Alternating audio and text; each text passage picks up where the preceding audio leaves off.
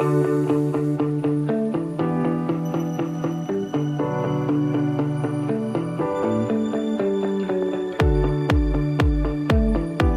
הבאים למדברים משמעות, הפודקאסט של מכון מצפן למחקר, פיתוח ויישום משמעות בחיים. אני דוקטור פנימית רוסנצר, המנחה שלכם. בכל פרק נעסוק בזווית אחרת שנוגעת למשמעות חיינו, ונציע כלים פרקטיים לקידום חוסן ורווחה נפשית בחיי היום-יום. אנחנו שמחים שהצטרפתם אלינו למסע.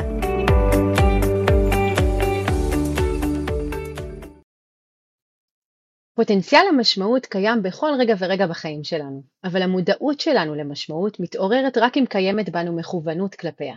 כשאנחנו קשובים ופתוחים לעולם שסביבנו, אנחנו מתחילים להבחין ולשים לב לרגעים, למצבים, לחוויות שטמון בהם פוטנציאל למשמעות. רק כשאנחנו אומרים כן לחיים וחיים אותם כאן ועכשיו, אנחנו נתונים בדיאלוג איתם, קשובים להזמנות העדינות שלהם לחיות ולחוות משמעות. לפי הלוגותרפיה, כמו במוזיקה, גלי הקול ממלאים את האוויר, אבל אפשר לשמוע אותם רק אם יש לנו מקלט. במילים אחרות, משמעות לא יכולה להינתן או לעבור בתורשה על ידי ההורים או החברה, היא צריכה להתגלות מתוך חיפוש, ביטוי הייחודיות שלנו ומתוך הערכים והבחירות. אבל התהליך הזה דורש התכווננות פעילה ומודעות עצמית. היום נמצא איתנו דוקטור ריקרדו טרש. דוקטור ריקרדו טרש הוא חבר סגל בבית הספר לחינוך, חוקר וחבר הסגל של בית הספר למדעי המוח באוניברסיטת תל אביב. הוא יושב ראש המרכז לחינוך קשוב ואכפתי. לריקרדו יש מעל 70 פרסומים אקדמיים וכתב פרקים בספרים. דוקטור טרש משלב בין הוראת קשיבות ומחקר אודות השפעותיה, ותחומי המחקר שלו כוללים בין השאר השפעות קוגניטיביות, רגשיות ופיזיולוגיות של אימון בקשיבות ולמידה חברתית רגשית בקרב מורים ותלמידים. תודה שהצטרפת אלינו. תודה רבה פנימית שהזמנת אותי. איזה כיף שאתה כאן. אז באמת הדיאלוג הזה בין אה, קשיבות או מיינדפולנס לבין משמעות אה, זה דיאלוג טבעי, תהליך טבעי. מה אתה יכול לומר על החיבור הפוטנציאלי בין העולמות האלה? איפה אתה רואה את החיבור? כן, אז קודם כל קשיבות היא לא מגיעה לבד, קשיבות מגיעה עם אה, מטרה, עם ערכים. אמנם זה שאוב מהעולם הבודהיסטי, ששם המקורות והמשמעות מגיעה מהעולם הבודהיסטי, אבל אנחנו יכולים לשאוב את ה... משמעות ממקומות אחרים, את הערכים שלפיהם אנחנו רוצים להתנהל, והמיינדפולנס מאפשר לנו את היכולת לעצור, לווסת את עצמנו, לשים לב באמת לצרכים שלנו ולוודא שאנחנו מתנהגים בצורה קוהרנטית לערכים שלנו ולאיך היינו רוצים להתנהל בעולם. ולכן כאן הממשק הוא ממש מרכזי. זאת אומרת, לשלב בין התרגול לבין הערכים ש, שזה המצפן, הנה, אנחנו פה במקום המצפן שמוביל אותנו. כן. ואיך עושים את זה? האם לדעתך יש איזשהו אה, מתח לכאורה אולי בין חיפוש משמעות שהוא באמת איזשהו תהליך אקטיבי, אה, ברור, זה לא משהו שמגיע מבחוץ, לבין איזושהי בקשה אולי של הקשיבות להיות רגע ברגע, להשהות שיפוט. יש איזשהו מתח בין הדברים האלה, בין האקטיביות והפסיביות בעיניך? אה, לא בהכרח. הרבה פעמים כזה שחושבים על מיינדפלנס, אז יש איזשהו דימוי של מישהו שמתבודד בתוך מערה, מנותק מעולם ורגוע, אה, קשוב, אה, אבל חסר המושג אמפתי או אכפתי. זאת אומרת, ההתכנסות פנימה היא כדי לאפשר לנו לצאת החוצה אל העולם, כדי שנוכל להתנהל מול העולם בצורה ערכית, כמו שאמרתי לפני זה, בצורה אכפתית כלפי האחר, ביכולת להקשיב למה שקורה אצל האחר, ולהתנהל בצורה שהיא מכבדת, אה, וכאן המקום הזה של, של הצירה. אז הרבה פעמים חושבים שכן, שתרגול מיינדפלנס זה, זה ריק, זה מרוקן אותנו מתוך הצורך הזה לעשות דברים בעולם, אבל להפך, הוא נותן לנו את, ה, את המקום הריק שמאפשר לנו ממנו לצאת החוצה אה, ולהיות מעורב בעולם ולשים לב למה אנחנו רוצים להשאיר ובאיזה דרך אנחנו רוצים להתנהל ולחלום חלומות גם כן. ולשים לב למהם mm. החלומות האמיתיים, החשובים, אה, שאותם היינו רוצים להגשים. Mm. בעצם אה, נשמע שיש פה איזשהו סוג של פוטנציאל בעולם של פומו ומהירות ואיזה מיצוי מהיר.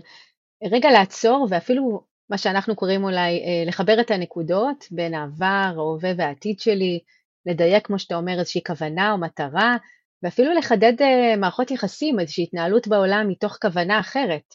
אתה יכול לראות לזה איזה שהן נקודות ממשק אולי בהמשגה או במחקר של המיינדפולנס, של המהויות כן. האלה? אז לפני המחקר, חלק גדול מההתנהגות שלנו היא התנהגות על אוטומט.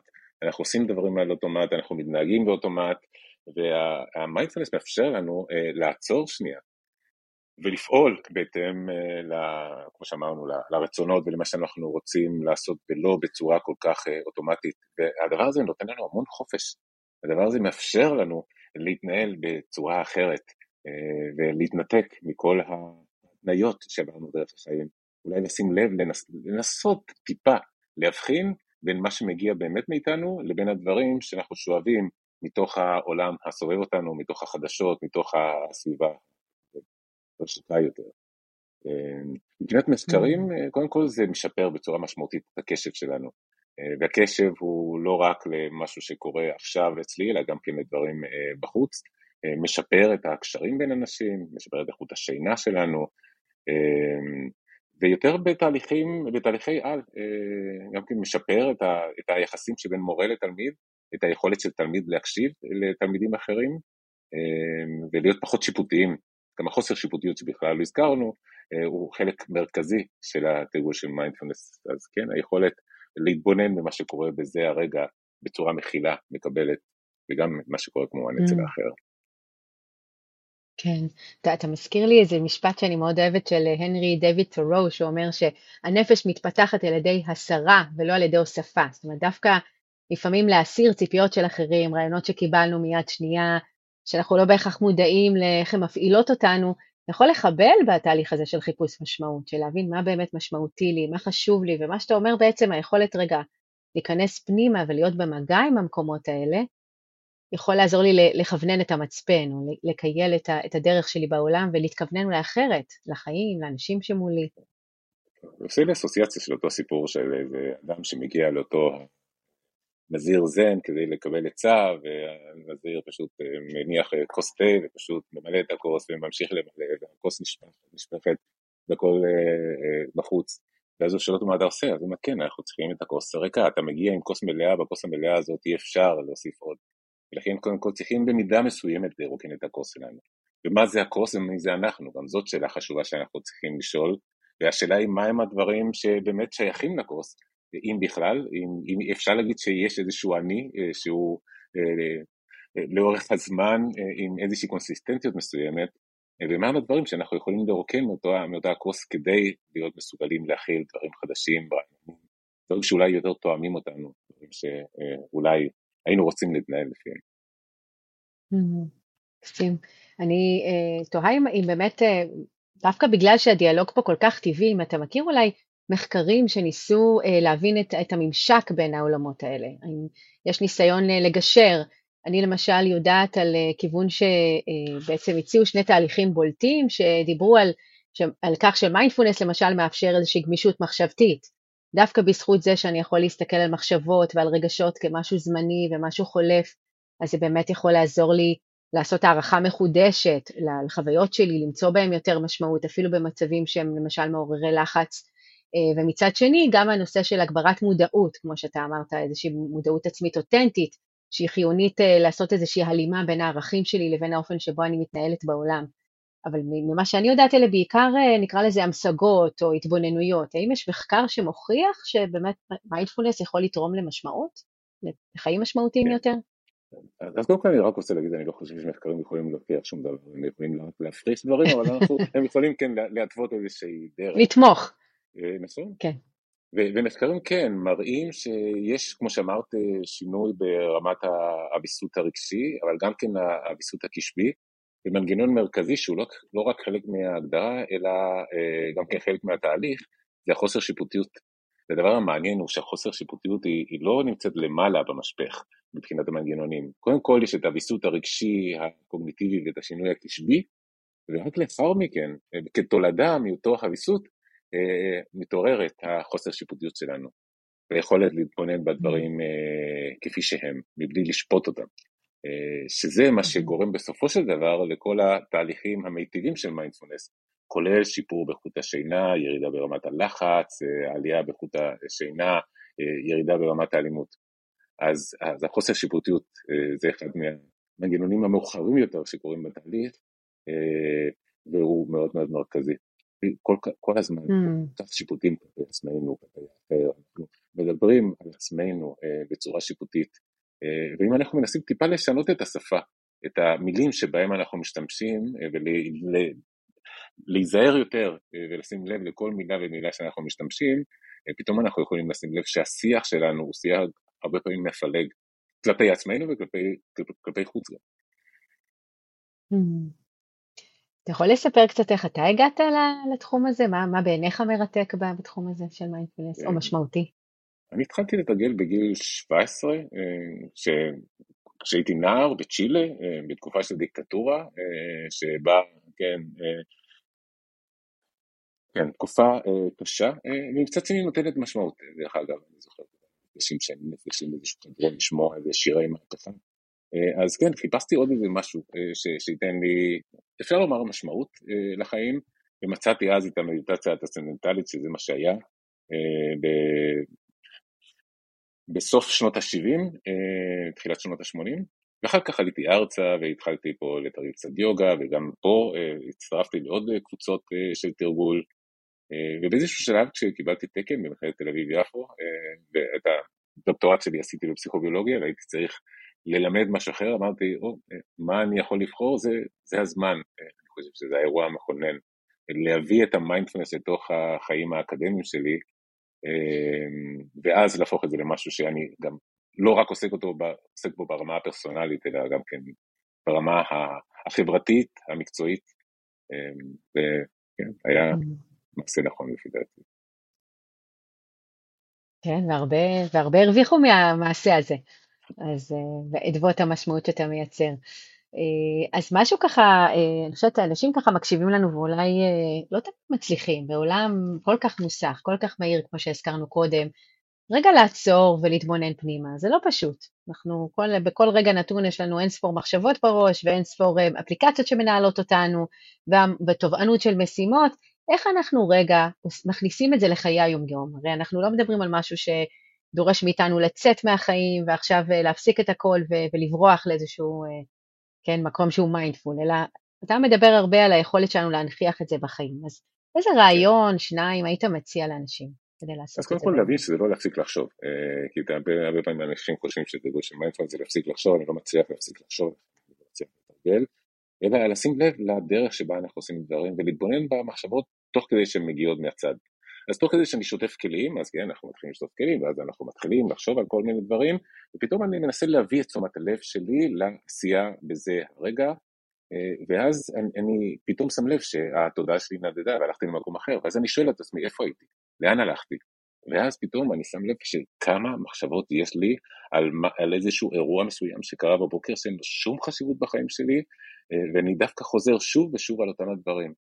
אז היכולת להתבונן במה מעסיק אותנו, אה, וכאשר אנחנו שמים לב שבפעם החמישית אנחנו חושבים על אותה המחשבה שהיא לא מיטיבה איתנו, אנחנו יכולים לבחור בלהגיד תודה רבה מחשבה, אני רוצה עכשיו לעבור למשהו אחר. אה, אז, אז, אז יכולת להיות mm. אונליין. הדבר הזה הוא לא דורש מאיתנו תרגול פורמלי, זה יכול לקרות בכל רגע.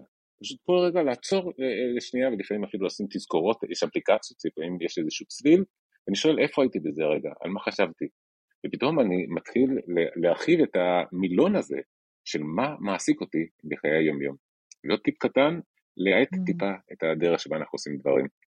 לעשות את הדברים יותר הקשבה, ביותר תשומת לב, בדרך שבה אנחנו זזים, בדרך שבה אנחנו מדברים. ואז אנחנו פתאום נתחיל ליהנות יותר, ולא רק ליהנות, אלא גם כן לשים את הדגש בדברים, כמו שאמרנו כבר כמה פעמים, אה, שהם חשובים לנו. כן. מקסים, אני חייבת לשתף שזה הזכיר לי איזשהו אה, ריטואל שאני התחלתי לאמץ לעצמי, פעם הייתי אה, רואה רמזור אדום ומיד מתעצבנת, הרס לי את כל היום, שיבש לי, עכשיו אני אתקע בפקק, אני לא אספיק, הייתי נכנסת ללופ. עד שהתחלתי לאמץ אה, הרבה גם בעקבות ככה חומרים ומחקרים, וכמובן גם המפגש איתך, לאמץ את זה כסוג של איזשהו רמזור, או תמרור, או תזכורת, רגע לעמוד באדום הזה, האדום הזה מזכיר לי רגע לנשום, להתחבר לכאן ועכשיו, ואולי להיזכר למה בכלל אני עושה את מה שאני עושה. עכשיו אני ממהרת מדבר לדבר, אבל בעצם, מה הלמה? אני חושבת שמה שאתה בעצם מציע לאנשים זה גם לעת הקצב, אבל גם להיזכר, גם אם אני עכשיו שוטף כלים, להיזכר אולי מה זה מסמל, כן, יש פה איזה משפחה שאני עבורה שוטף כלים, או מה זה הדבר הזה שעכשיו אני מתוסכל ממנו, אם אני רגע יש לי הזדמנות להזכיר לעצמי את הערך שלו, דווקא בעצירה יש פה איזשהו פוטנציאל אולי לתזכורת מחודשת. ואני רוצה לשאול אותך אולי אם לך יש איזשהו תרגיל כזה שאתה עושה עם עצמך, אה, אולי אימצת ממחקר, אולי אימצת מהחיים עצמם, אה, שעוזר לך להיזכר אה, דווקא בתוך היומיום, במה משמעותי עבורך בתוך כל הזאת. יש לי ריטואלים קבועים, קודם כל בדרך שלי, קודם כל שאני נוסע באופנוע, ואני מאוד נהנה לנסוע באופנוע, הרבה פעמים כזה, שוב, כאשר יש פקקים וכאלה, אני מנסה לדמיין שאני נמצא במשחק, ופתאום הנסיעה הופכת לכיף, אני ממש במשחק, ובואו נראה איך אני עובר בין לבין. יש מקומות מסוימים שבהם כל פעם שאני עובר, אני בוחר להתבונן בעצים. ואז לא משנה איפה אני נמצא, אני מתבונן בעצים, ואני עם העצים למשך איזה כמה מאות מטרים, מתבונן בנוכחות שלהם, בתנועה של העלים שם למעלה ברוח. וזה גם כן זה איזשהו חיבור לטבע, לזה שבסופו של דבר, עם כל מה שיכול לקרות בעולם, העצים עדיין שם, הם ירוקים וזזים עם הרוח, אותה התנועה והכל בסדר. אז אם לפעמים יכולה להיות סערה, פתאום הדבר הזה מזכיר לי שהדברים הם יותר פשוטים ממה שאנחנו, מהדרך שבה אנחנו מפענחים את המציאות. אז כן, ויש לי לא מעט טקסים כאלה, זו רק דוגמה, אני מנסה להכניס כמה שיותר טקסים קבועים למשך היום שלי. מקסים, מקסים. אז אה, ככה, אם אנחנו אה, רגע לוקחים את זה אה, קדימה, אז נניח אם המיינדפולנס הביא אותי להיות קשובה בכאן ועכשיו, להבין מה מניע אותי, או מה חשוב לי, מה הערך, איך, איך הדברים מתחברים ברמה של עבר, הווה ועתיד, באופן לא שיפוטי, כמו שאתה אומר, לא להלקות את עצמי ולא להגיד, רגע, איך זה יכול לקחת אותי אולי אפילו גם צעד קדימה? כי משמעות מדברת גם על חריגה מעצמי, לא רק להגיע לרגע של הכאן ועכשיו ולהתחבר, ל, נקרא לזה, לסלף שלי ולהבין את עצמי טוב יותר, אלא גם לאיזשהו self transcendence, לחרוג מעצמי למען מישהו או משהו שהוא לא אני. ואתה הזכרת קודם קצת חמלה, אז אני אשמח שתרחיב, כן. אולי בממשק הזה בין החיבור פנימה ליציאה החוצה. כן, זאת הכנף השנייה של המיינדפולנס, זאת אומרת, יש לנו ציפור, היא, היא, היא צריכה שתי כנפיים, הכנף הראשונה זה המיינדפולנס, הכנף השנייה זה החמלה, וגם החמלה מתחלקת לשלושה סוגים של נוצות באותה כנף.